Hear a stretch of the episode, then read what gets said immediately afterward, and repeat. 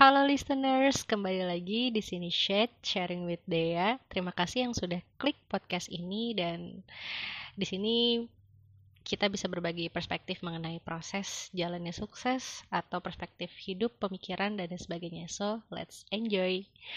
Oke, sekarang di sini kali ini berdasarkan request yang udah uh, sempat dibuka sebelumnya mengenai beberapa tema dan di sini akan membahas mengenai tolak ukur siap nikah. Mungkin di sini it could be subjective, it could be objektif ya. Dan di sini aku mau tekenin bahwasanya podcast ini berlaku untuk lo yang belum siap atau single atau yang memang mempersiapkan diri untuk sebenarnya tolak ukur siap nikah tuh kayak gimana sih dan buat lo yang mungkin udah punya atau mungkin ya gitulah kita bisa berbagi perspektif ya di sini memang kalau ditanya siap nikah atau enggak pasti orang jawabannya nggak ada yang fully 100% siap nggak ada. Tapi seenggaknya kita punya pattern hmm, beberapa tolak ukur apa sih sebenarnya yang bisa kita jamin diri kita bahwasanya kita tuh siap gitu. First yaitu komitmen.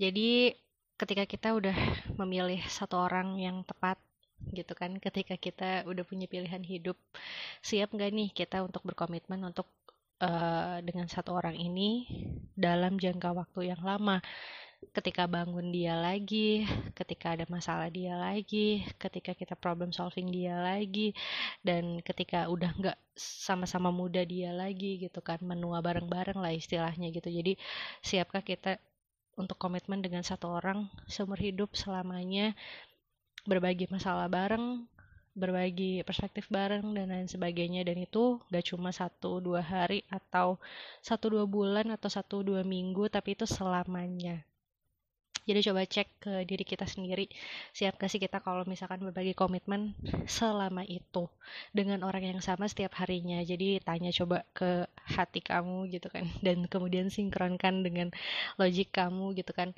masuk atau enggak gitu. Itu satu. Uh, dan yang pastinya menerima kekurangan dan kalau kelebihan gak usah ditanya lah ya. Pasti kalau kelebihan atau senang-senangnya itu gampang, tapi yang jelas siap nggak sih kita untuk menerima kekurangan? Karena yang namanya pernikahan itu kan saling menerima kekurangan ya accepting uh, the less from our partner gitu. Bukan kita uh, mau senang-senang aja gitu kan ya susah senang dijalanin bareng-bareng intinya gitu dan kalau misalkan siap ya kita bisa ke next step selanjutnya Next yaitu menyatukan dua keluarga. Jadi bukan lo dan dia aja, tapi perspektif yang berbeda antara kamu dan dia. Jadi di sini bisa kita katakan bahwasanya uh, misal nih adat kita di sini Jawa, kemudian di yang lain itu Sumatera atau Sulawesi atau Kalimantan dan lain sebagainya. Jadi menyatukan dua perspektif atau dua adat ini juga nggak mudah gitu. Jadi pernikahan itu bukan hanya menyatukan kamu dan dia aja, tapi tuh menyatukan antara dua keluarga kayak gitu ya jadi jangan anggap enteng kalau menyatukan dua keluarga itu mudah dan ya pastikan kalian adalah pet atau jembatan yang bisa menghubungkan atau menjadikan uh, penjembatan komunikasi lah antar keluarga gitu. Jadi ya pastinya jangan kamu aja tapi kamu dan dia juga yang saling bisa menjembatani komunikasi antara satu dan lain juga antar satu keluarga dan keluarga lain. Oke okay, next yaitu career path jadi di sini uh, untuk ke depannya akan gimana. Biasanya kalau beda profesi akan beda juga jalannya. Biasanya satu profesi akan lebih mudah untuk komunikasi. Contoh aku dokter. Terus partnerku dokter. Ketika misal uh, aku punya jam tiba-tiba gitu kan tiba-tiba ada panggilan dadakan tengah malam dan lain sebagainya. Kalau misalkan partner kita nggak paham itu bakal sulit gitu kan. Kok sering keluar malam tiba-tiba dapat panggilan pasti kan adalah negatif thinkingnya. Tapi kalau misalkan partner kita udah makanya kebanyakan dokter sama dokter lagi soalnya mereka kayak udah saling paham gitu loh kesibukan masing-masing. Dan begitu halnya biasanya yang satu profesi itu akan lebih mudah memahami satu alma mater akan lebih mudah memahami perspektif uh, pasangan yang lainnya gitu. Tapi nggak nggak selalu juga kok yang satu profesi itu bisa uh, selalu jadi. Tapi majority emang begitu. Karena uh, secara nggak langsung kita nggak sulit untuk mengkomunikasikan atau menjelaskan bagaimana sih sebenarnya kesibukan kita uh, daily-nya gitu loh. Itu ya. Dan tapi kalau misalnya kita kita nih pinter uh, menyampaikan gimana sih sebenarnya kesibukan kita hari-harinya, dailynya gitu kan, sama yang beda profesi atau beda perspektif atau bahkan beda umur yang jauh melampau jauh atau lebih muda atau lebih tua, ya itu iyo gitu. Sebenarnya sih nggak terlalu terlalu terpaku di sini ya, cuma ini juga salah satu atau pattern yang perlu kamu pertimbangkan gitu. Dan ini next step uh, salah satu poin yang penting juga itu financial management.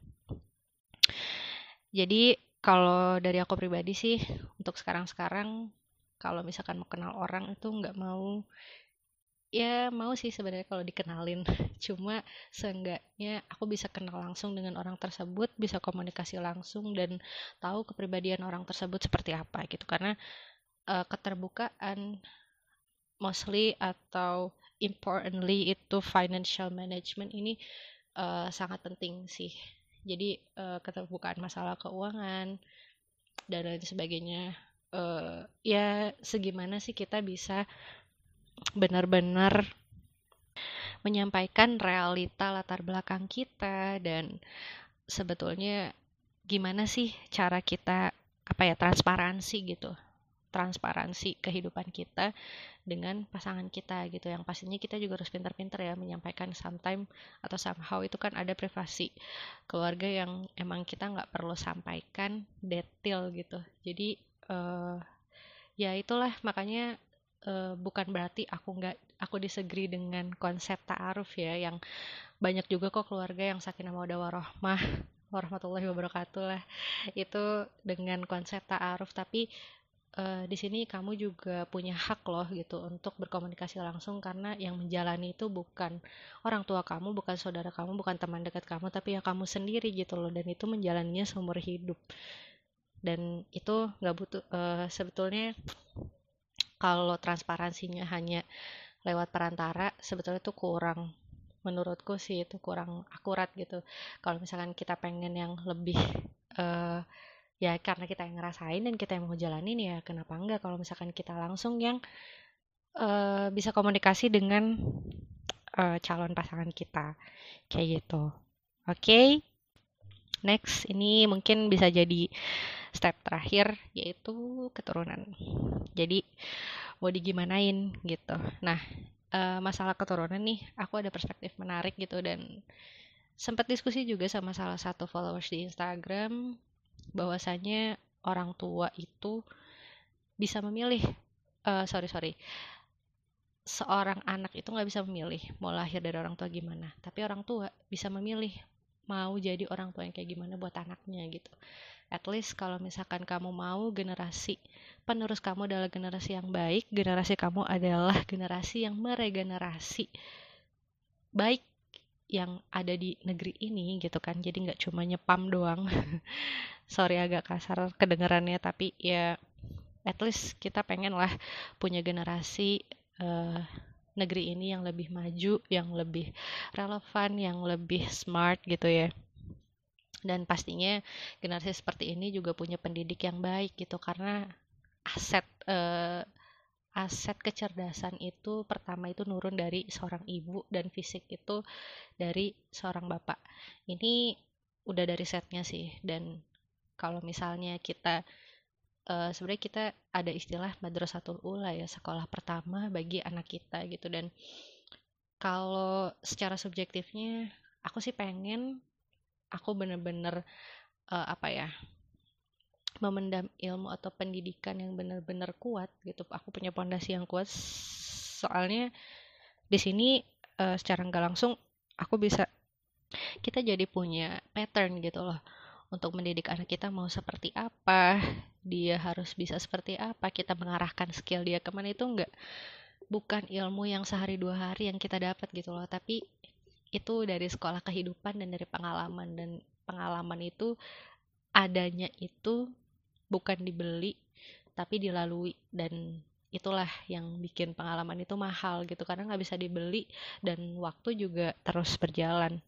Jadi itu sih kenapa alasan aku sendiri kalau misalkan memang pengen punya generasi yang baik ya akunya dulu dibaikin gitu kan. Kalau misalkan kita pengen anak kita punya mindset yang baik punya uh, gen atau stimulasi kepribadian yang baik ya kalau bisa sih kitanya. Karena gen uh, kepribadian terus ya personality itu nurun juga gitu ke anak. Jadi kalau misalkan memang kita mau generasi kita generasi yang baik gitu kan nggak yang cuma sekedar lahir dan nyepam doang. Kalau bisa sih ya kita maksimalin dulu diri kita untuk jadi generasi pendidik yang baik. Itu mungkin ya beberapa uh, perspektif yang bisa aku bagi dan beberapa tolak ukur. Salah satunya tadi pertama komitmen. Kamu udah siap berkomitmen dengan satu orang yang sama terus menerus atau belum. Kedua kita gimana cara kita untuk bisa jadi jembatan yang baik penjembatan yang baik antara dua keluarga. Kemudian gimana next career path kamu satu satu dan yang lain apakah kalian bisa saling mendukung atau saling mensupport atau enggak.